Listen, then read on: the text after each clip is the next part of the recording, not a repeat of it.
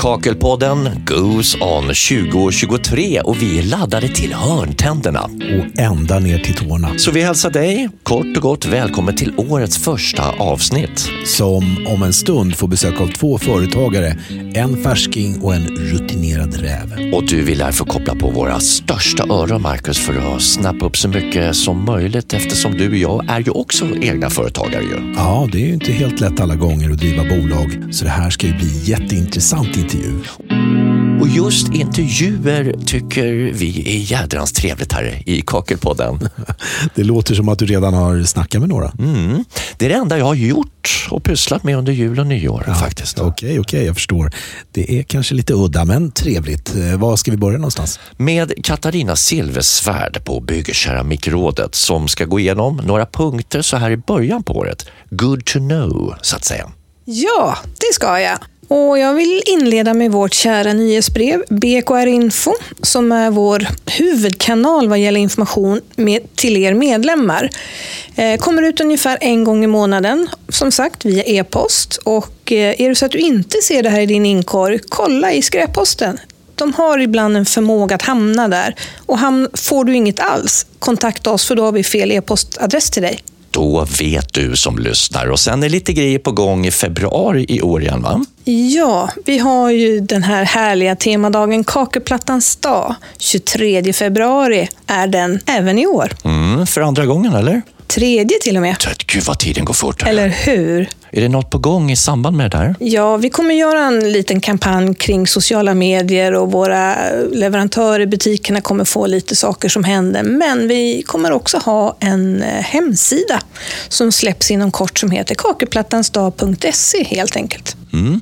Ni är ganska bra på att stimulera alla sinnen. Man kan lyssna på man kan titta filmer på hemsidan och så kan man läsa nyhetsbrev och lite tidningar också. Eller... Är det sådana på gång nu? eller? Ja, nu, vi har blivit ganska duktiga på att göra tidningar. Nu har vi tre tidningar. Kommer ut två gånger om året och ska vi titta på våren här så har vi 900 grader kommer ut i mars, Plattform kommer ut i april och Lera i maj. Mm, och där fyller jag år den 22 också. Vad roligt för dig. Det ska jag försöka komma ihåg. för mig.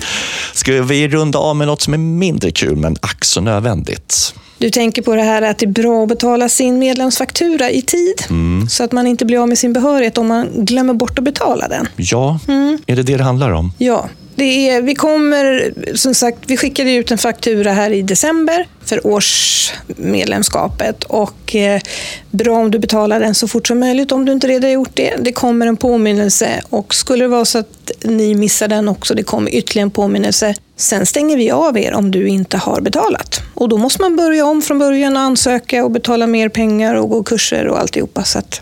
Lös bitarna så går vi ett härligt 2023 till mötes, eller hur? Eller hur? Tack för att du kom. Tack.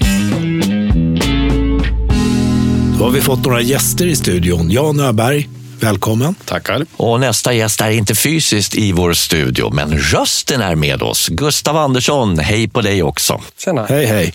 Du befinner dig på länk från Ulricehamn och driver ett företag ja. sedan hur länge? Eh, sen i oktober, eller vi startade i september och så drog jag igång i oktober med första jobben. Hur känns det så här långt då? Jo, men det känns bra. Man har gått ner i någon grop som man inte trodde man skulle gå, gå ner i. Någon kreditfaktura och lite sådär. Men det, allt som allt så det känns bra. Jag har mycket folk runt omkring mig som driver företag. Så att, eh, jag har fått mycket input. Hur känns eh, läget med tanke på att det är lite skakigt i vår omvärld? Finns det uppdrag och sådär? Jag har inte supermycket bokat långt fram, men det trillar in hela tiden. Liksom. Det känns inte oroligt så. Det gör det inte. Det är inte helt tomt, utan man har att göra och sen ringer alltid något samtal och då har man tre, fyra dagar till och så rullar det på. Ja, det låter bra. Janne, du har varit företagare avsevärt längre än så, va? Ja. Vad är det du driver? Vad heter ditt företag? Vi heter Golvimporten Entreprenad och Golvimporten är ett företag som har funnits i över 50 år. Mm. Men sen ungefär tio år tillbaka så drivs det av, av nya killar. Och vi är fem stycken som är kompanjoner och driver det där. Mm.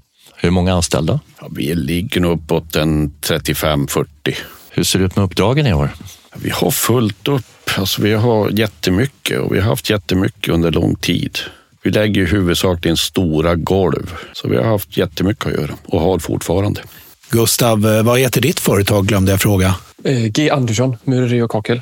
Tänkte på det här precis när man är ny som företagare. Hur når man ut till potentiella kunder? Hur gör du? Jag går ju mycket på rekommendation. Nu, jag har ju bytt stad också. Jag gjorde ju det. Jag flyttade ju till Ulricehamn i somras. Så här i Ulricehamn är jag egentligen inte så himla mycket att jobba än. Utan jag jobbar ju fortfarande väldigt mycket i Borås då, som jag kommer ifrån början. Utan det är ju gamla kunder som ringer. Eh, min, chef, min gamla chef eh, gav mig några projekt att starta med.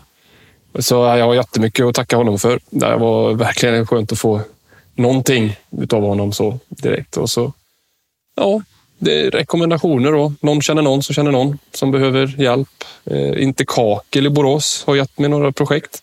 Vad skulle du säga var det bästa med att driva eget företag nu? Det är nog friheten att inte behöva be om lov för att göra saker. Som att, idag till exempel, sitta här klockan tio och spela in en podd lite snabbt. Det är ju ganska kul att inte behöva be om lov och ha dåligt samvete för att man inte är någonstans, utan att man kan styra sin egen tid. Det är väldigt skönt. Och ni premiärpoddar ju bägge två. Janne, du är färsk på det här. Ja. ja. Vad tycker du är det bästa med vara egen?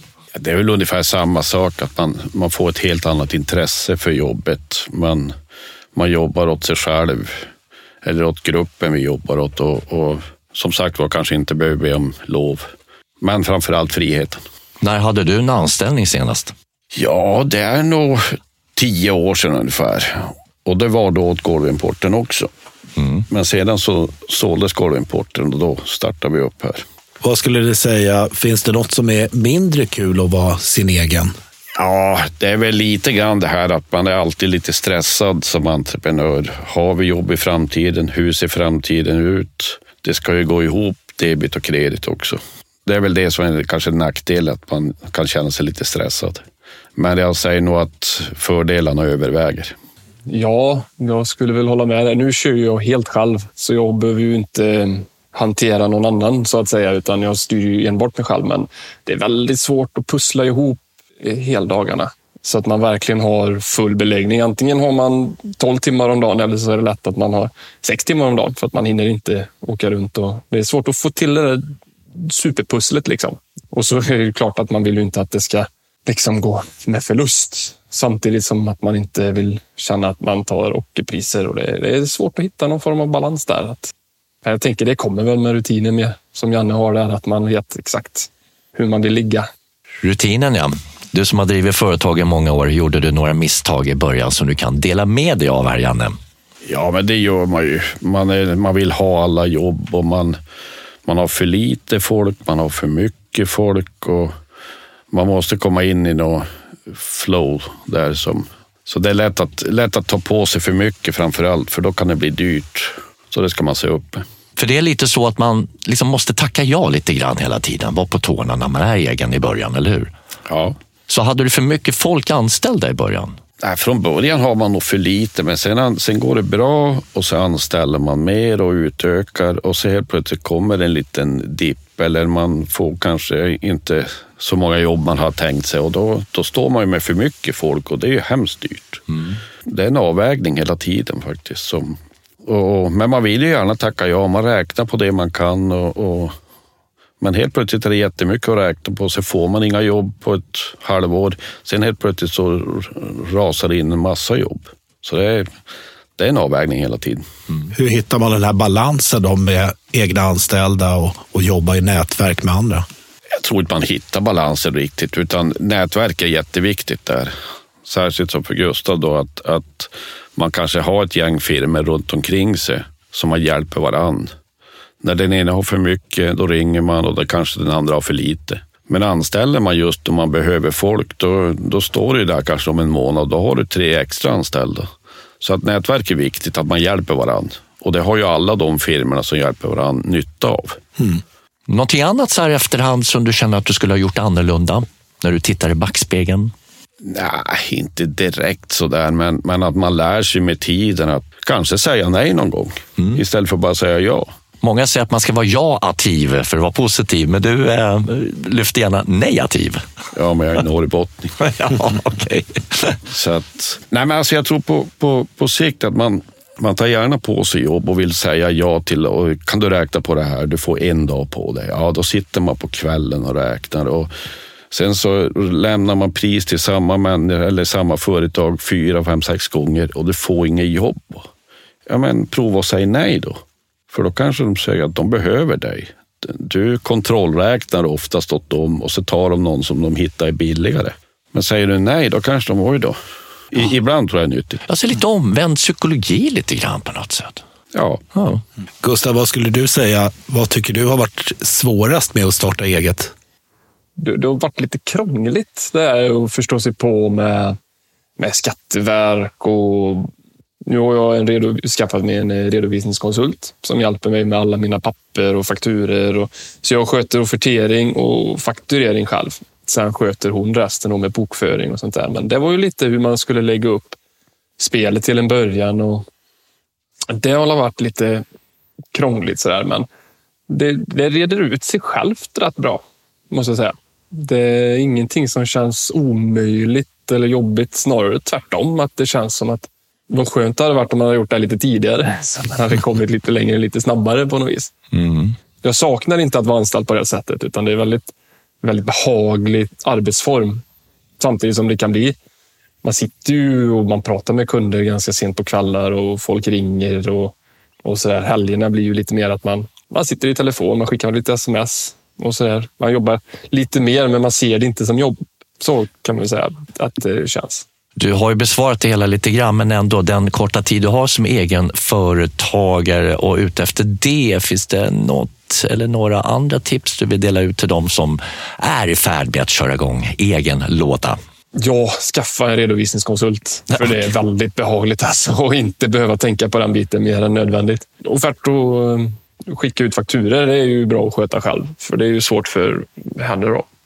Men eh, nej, skaffa någon som har koll på det här med Skatteverk och rotansökningar och det här så, så blir det väldigt mycket bra. Då blir det mer som att vara anställd, att man bara arbetar fast man får lite roligare delen också. Skatteverket ska ha sina pengar. De, det spelar ingen roll om du, om du säger att du har gjort fel och det inte var med mening. Så mm. de, eh, de, och de, gillar, de skickar gärna lite dröjsmålsräntor och alltihopa. Så där. Det lägger de gärna på. Ja, de gillar sånt där. Det gör de. Ja. De gillar att dra in sina pengar. Du Janne, vad skulle du vilja skicka med för tips till Gustav och andra killar och tjejer som nyligen har startat företag? Ja, det är väl det jag säger, att dra in sina pengar. Se till att, att få betalt och sla, slarva inte med, har du fakturerat och du ska få betalt på 30 eller 15 dagar, se till att du får det. Det blir lätt att en del slirar med det där, men då är det du som ligger ute med pengarna. Va? Och helt plötsligt så, så har du inte tillräckligt med pengar att betala skatter eller material. Så var noga med att, att börja de så att säga slarva, var noga med att påminna. Ja, absolut, och det är lätt att när man sitter med fakturorna sen att man börjar pruta lite med sig själv. För oj, vad dyrt det här blev, tänker man när man har tagit fram alla leverantörsfakturer och så sitter man och så knappar man ihop det här och så ser man så lägger man på sina egna timmar och så en liten bilersättning och och så, oj, ja, men, ja. Nej, men vi, för då jag går ofta löpande då. Så, ja, men jag lägger på, han kan få 10 procent på materialet. Det ser lite bättre ut på fakturan så för det. Men det, det är ju vad det kostar. Och man, det, men det är väldigt lätt att man börjar där, när speciellt på lite större badrum, så där, för det blir väldigt mycket pengar ganska fort. Eh, även om det inte är egentligen dyrt, så blir det ändå mycket pengar. Så det är något som är väldigt lätt att man börjar göra som som, man kanske, som jag tror man blir bättre med ju längre man håller på, för då blir man bekväm i de här siffrorna som ändå är ganska höga. Ja, du var lite inne på det där faktiskt. Göra någonting som vi kallar för efterkalkyl. Gör det på de jobb du gör. Gör en efterkalkyl. Se hur gick jobbet? Ja, gick det bra? Då låg du rätt. Eller var det någonting som var dyrare än vad du trodde? Då kanske du ska tänka på det i nästa offert. Så det, det är viktigt faktiskt. Det låter som en bra idé. Du, jag tänker Janne, det här med kring försäkringar och behörigheter, medlemskap och sånt där. Vad, vad finns det att tänka på kring de bitarna? Ja, först och främst så gäller det att vara behörig platssättare då mm. via BKR. Det är, ju, det är det viktigaste för att egentligen få montera tätskikt och sånt där. Och vara med i PER naturligtvis också, för det, det är ju en, en organisation som man, man får mycket ut av det. Men sen när det gäller försäkringar så är det hemskt viktigt att ha en, en i, han, i Gustavs fall, en egenföretagarförsäkring så du är försäkrad. För du kan ställa till med grejer i en bostadsrättsförening eller på en byggarbetsplats som kostar enorma pengar. Och då måste man ha en försäkring som täcker det. BKR har ju, och Per och BKR har ju försäkringar och jobbar med försäkringsbolag och där försöker man ju täcka upp vad som gäller för branschens egna folk. Så att där tror jag man ska, man ska vända sig till BKR och titta. För där finns det försäkringsskydd och de är, som jag har förstått det, ganska bra. Men Har du tagit kontakt med BKR, Gustav, kring vissa saker som du har varit osäker kring? För de har ju experter och folk som bistår där. Eh, Inte under nuvarande bolagsform har jag inte gjort det. Jag har gjort det som anställd. Eh, BKR har ju omvandlat sin hemsida nu och jag måste säga att jag tycker den är riktigt bra.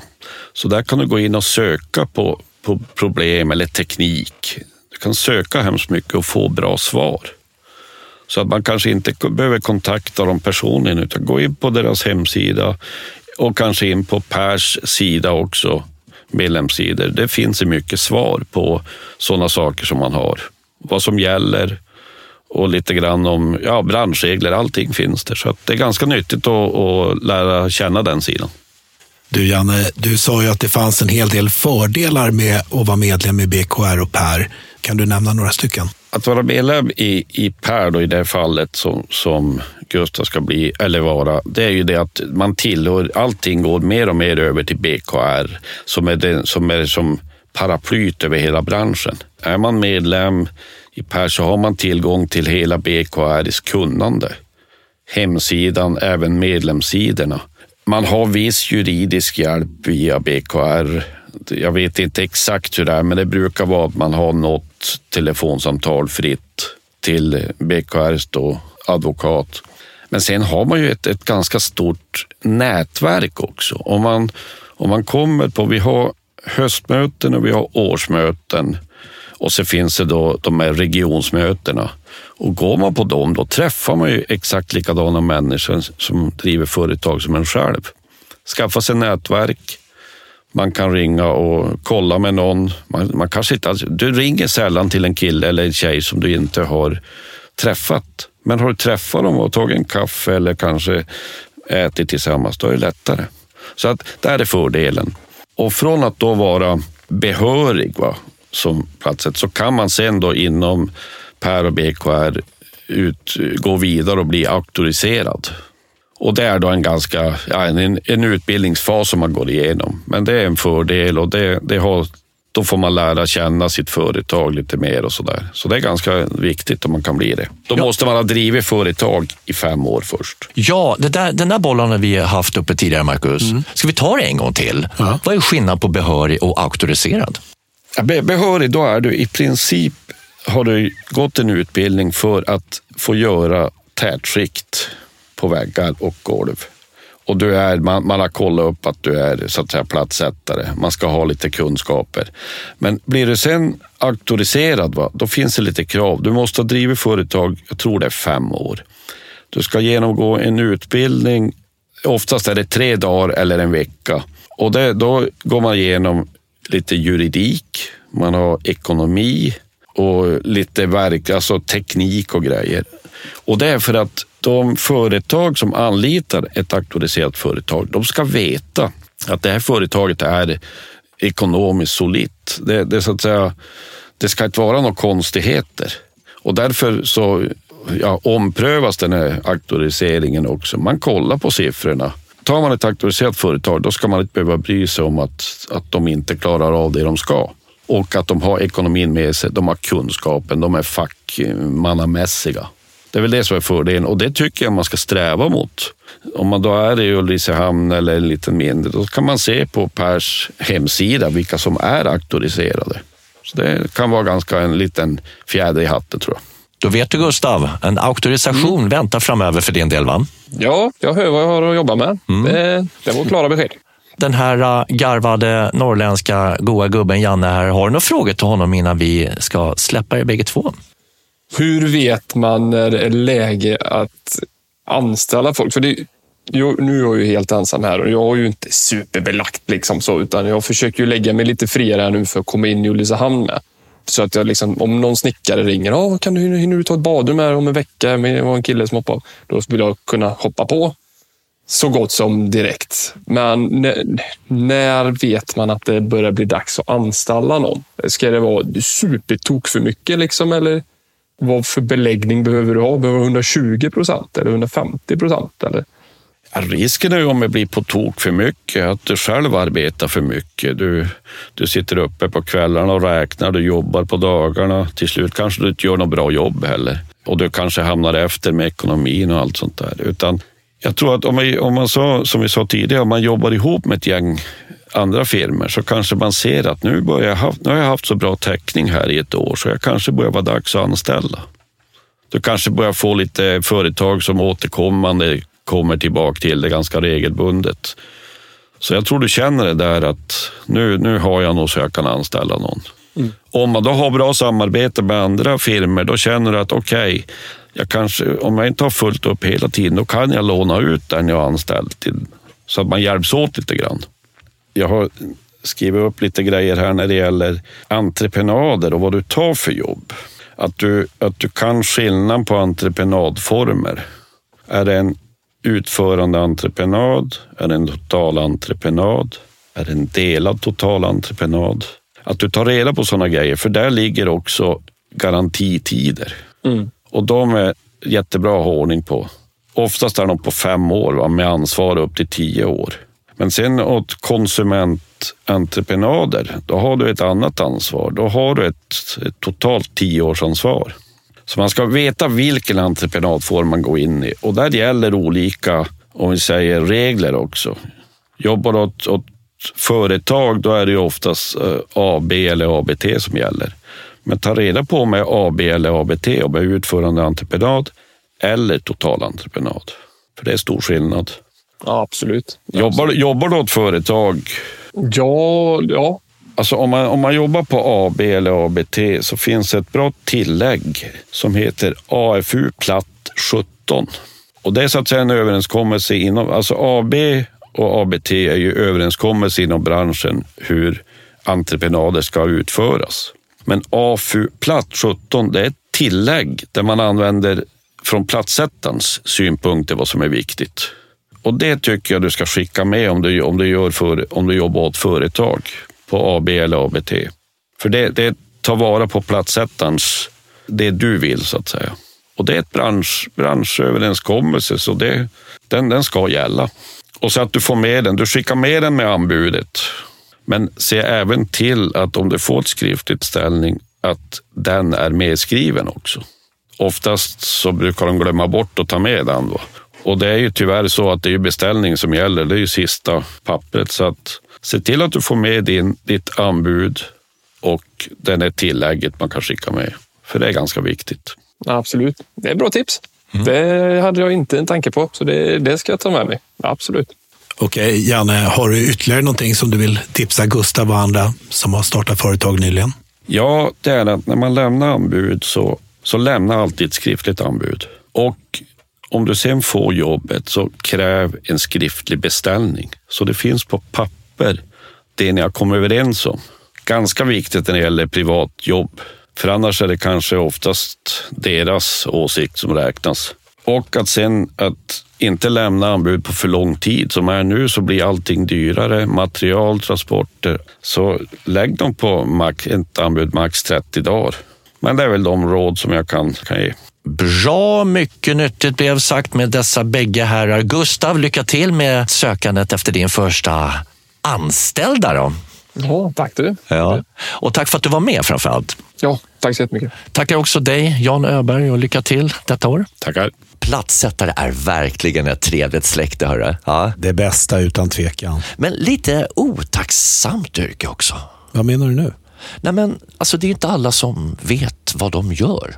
Vadå inte vet vad de gör? Jo, men du vet, vi var ju ett gäng som firade nyår tillsammans då. Okej. Okay. Och ja, typ, ja, vad var vi, 10-12 personer och två, tre av dem där på festen visste inte vad en platssättare gör för någonting när jag frågade. Nej, det är inte sant. De måste ju varit lite fulla då. Nej, alltså nej, nej, nej bara lite, lite sådär salongis. Salongis. Ja, så små pickalurviga. Ja. Kan du snacka som man fattar? Nej, men smådragna då. Okej, förstår. Men det centrala i sammanhanget, det som jag vill få sagt är att de hade inte en aning om vad en plattsättare gör.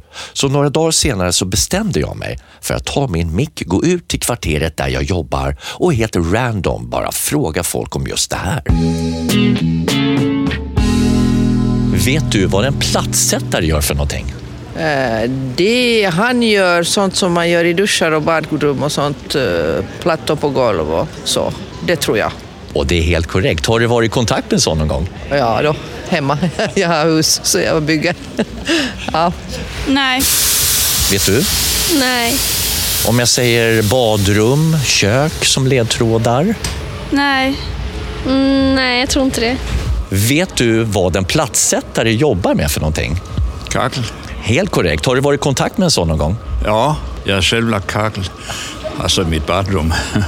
Två gånger. Ja, jo då, visst ja.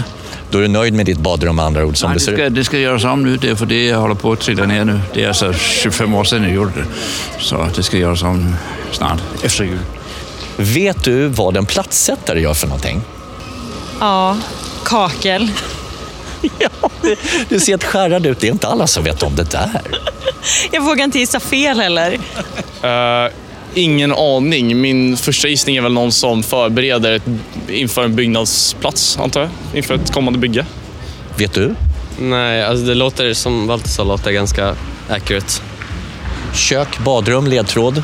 Någon som eh, kanske väljer plats för, eh, eller eh, arrangerar rummen så att de ska vara liksom rätt så här, på en, en planlösning. Liksom.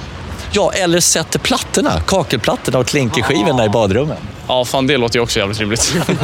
Ja, men, men så illa var det väl inte? Eller? Ja, visst, det var en del som hade koll, men det är ju ganska anmärkningsvärt att man inte vet vad en plattsättare gör, tycker jag. Ja, fan, det är lätt att vi blir hemmablinda. Det är, det är vad vi tycker som jobbar lite Ja, med men det här. innan vi började med Kakelpodden så visste ju både du och jag vad plattsättare var, eller? Ja, det, det var ju så länge sedan. så eh, det känns väl bra då, eller? Ja, väl. Men alltså att de flesta ändå vet vad en plattsättare gör, eller är det inte de flesta då? Såklart de gör. Ja, ja, don't worry. Du kanske prickade fel personer helt enkelt. Ja, så kan det vara faktiskt. Men eh, nej, jag tycker folk ska banne mig känna till vad plattisar sysslar med. Det är ju världens bästa yrke. Okej, okej. Det är bra, fint. Men nu så släpper vi fram programpunkten Daniel tittar in. Ja, jag tänkte det faktiskt. Jag tänkte att vi skulle toucha lite snabbt, en sån här touch and go eller hur man nu ska säga, på lite tile insert-produkter. Kanske duscha med högt vattenflöde. Mhm, låt höra, låt höra. Vad innebär det? Det ena är ju ganska självskrivet. Duscha med högt vattenflöde, det, det, det säger ju sig självt. Jag ska inte gå in på siffror och sånt där, men ja, men en dusch som ger mer vatten än vad som är normalt. Och det kan ju ställa till det kanske lite ibland i vissa fall. Absolut. Du tänker på duschhimmel, de här stora som jag inte har just nu, men som jag vill installera snart. Ja, det kan vara en sån lösning från olika fabrikanter. En stor duschtallrik som ger väldigt mycket vatten helt enkelt. Och då kan det bli så att det bygger på trots rätt golvlutningar enligt branschreglerna. För att den petar på så mycket vatten att golvbrunnen inte riktigt kanske kan svälja det alltid. Ja, det har du rätt i. Högre vattenflöde gör att det blir lite stökigt att få undan allting där nere. Ja, precis. För ett badrum bygger ju ändå på att eh, vi vill ju att det ska försvinna helst lika mycket vatten som det tillkommer och helst i åtminstone samma takt eller bättre. Och sen då i kombination framför allt, eller om vi bara går över till de här speciella tile insert-brunnarna. Mm, vad är det? Vilket fint ord. Visst var det fint? Översätt. Ja, golvbundsil, Rams Lukrist. Det är egentligen samma sak och tile insert är egentligen en speciell produkt där man då kan ta en bit av sin klinker. Så petar man in den som en fin bit och därför heter den tile insert.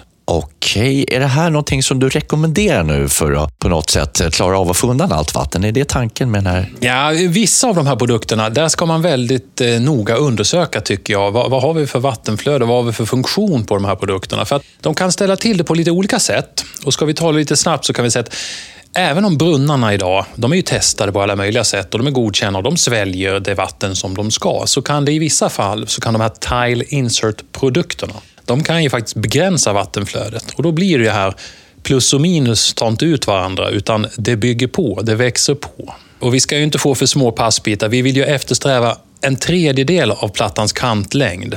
Vi vill ju inte ha någonting mindre helst då. Va? Men vissa av de här produkterna, de blir liksom låsta. Vi kan inte skjuta slukristen eller golvbundsilen runt själva golvbunden. Vi kan inte justera den i sidled så att säga. Och Det gör ju att vi blir låsta i platssättningen. Snacka med kunden, antingen kan vi göra si eller kan vi göra så. Men det kan ju resultera i att vi får en mindre passbit eller kanske vi får göra en special, en dubbelskärning kring brunnen eller ett litet kuvertfall eller avtala någon annan lösning i de här fallen. då. Sen har vi lite andra grejer som jag inte har kommit in på ändå. Mm. Och det är ju höjdmässigt så har ju den här metallramen som omger klinkerbiten, så att säga. I vissa fall har den en, en, högre höjd då. Det betyder att när vi ska plattsätta kring golvbrunnen så kan den här liksom sticka upp lite. Och det kan faktiskt eh, det kan resultera i en besiktningsanmärkning. Och, och lite, det är inte så kul att, att, gå och stå och så har man en, en metallbit som sticker upp ovanför klinkens anslutning liksom till golvbrunnen. Okej, någonting mer att tänka på i det här? Man tycker jag ska eftersträva en så kraftig golvlutning som möjligt inom gränserna för branschreglerna. Då. Man behöver fundera kanske på en nedsänkt duschdel Kanske då att man ska ha en blandare med lägre vattenflöde och inte den här monsterduschen. Då. Man ska också undersöka noga det jag sa förut, precis som jag sa förut. Tile Inserts-produktens eh, justeringsmån i sidled, produktens höjd i anslutning mot golvbeläggning och så kanske man ska avtala kring det här då, så att säga. Skönt. Daniel tittar in, är igång 2023. Är du laddad för att återkomma i nästa avsnitt, Daniel? Alltid. Bra, tack för idag. Daniel kan man minsann lita på. Ja, eh, ja, men vad då? Fast det känns, nej, men det känns som det där var en känga till mig. Nej. För du kan ju lita på mig kompis, det vet du väl? Jo, jo, såklart. Men jag menar att Daniel levererar alltid. Han är konkret, han är tydlig, man fattar vad han säger helt enkelt. Ja, det, det gör man sannerligen. Jag vet inte riktigt om jag litar på platsättaren Pontus. Nej, men vad, vad, vad pratar du om nu? Och Pontus, vem fan är det? Jo, det är ju han som står för veckans kompis den här veckan. Jaha, ja, ja, men ja, men alltså Pontus är ju en superduktig plattis. Alltså veckans kompis går ju ut på att man bjuder på en story, ja ett jobb som har gått rakt åt hälsefyr. Ja, ja, ja, jag fattar. Du får presentera någon. Pontus Eriksson på A. Karlsson Bygg i Karlskrona. Hej på dig! Hej då! Var befinner du dig just nu i för miljö? Eh, jag just nu sitter inne i matboden mm. på bygget. Mm. Men du, har man en speciell matbod och en omklädningsbod och en duschbod och en snackbod eller hur ser uppdelningen ut mellan bodarna?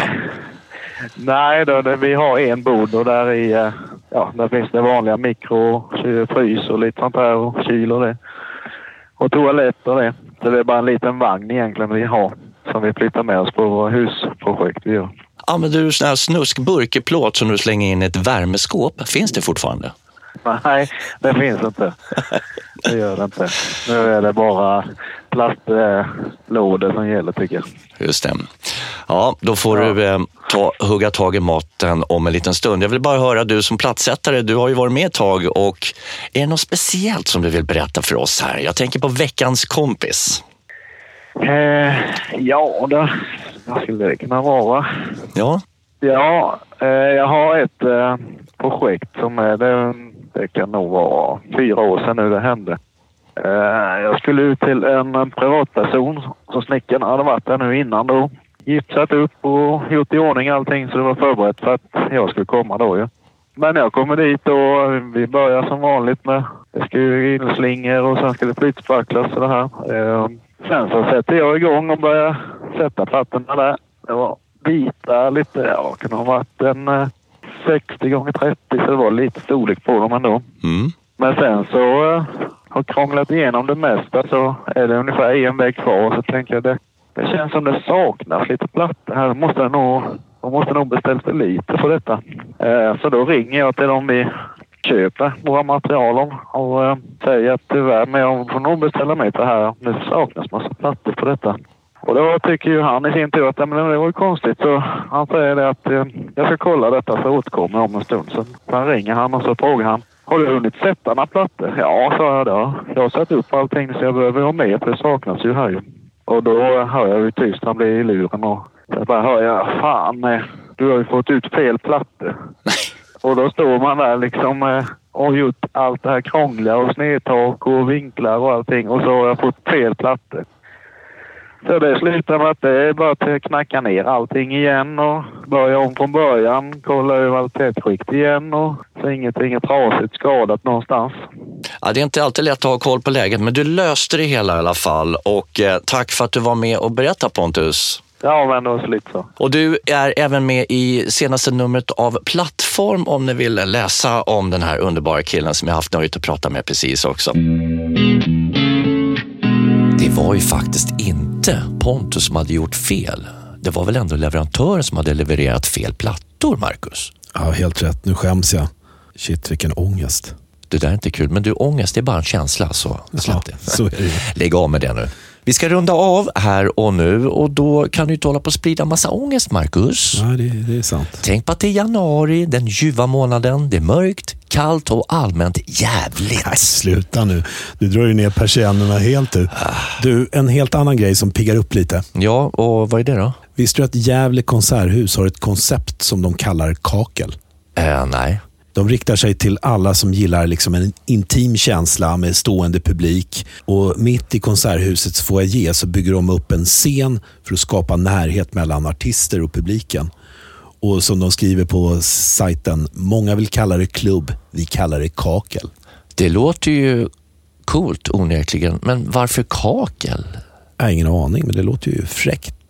Alltså jag måste slå, jag ska kolla av det där, gräva lite i det där. Och jag, är det för att det är väldigt, som plattan sitter nära liksom väggen då? Så Ja, det är lätt att torka av plattorna, tänker jag. Ja, torka av publiken. Fast nu eh, är det hög tid att runda av det här avsnittet. Och Vi som har tagit er igenom det här avsnittet heter Marcus Trautman. Och Leif Getelius. Och är det så att du eh, vill att vi lyfter något särskilt ämne eller någon fråga, mejla oss på info.bkr.se. info.bkr.se. Mm, och då säger vi som brukligt även i år som plattisen Janne. Satt platta sitter.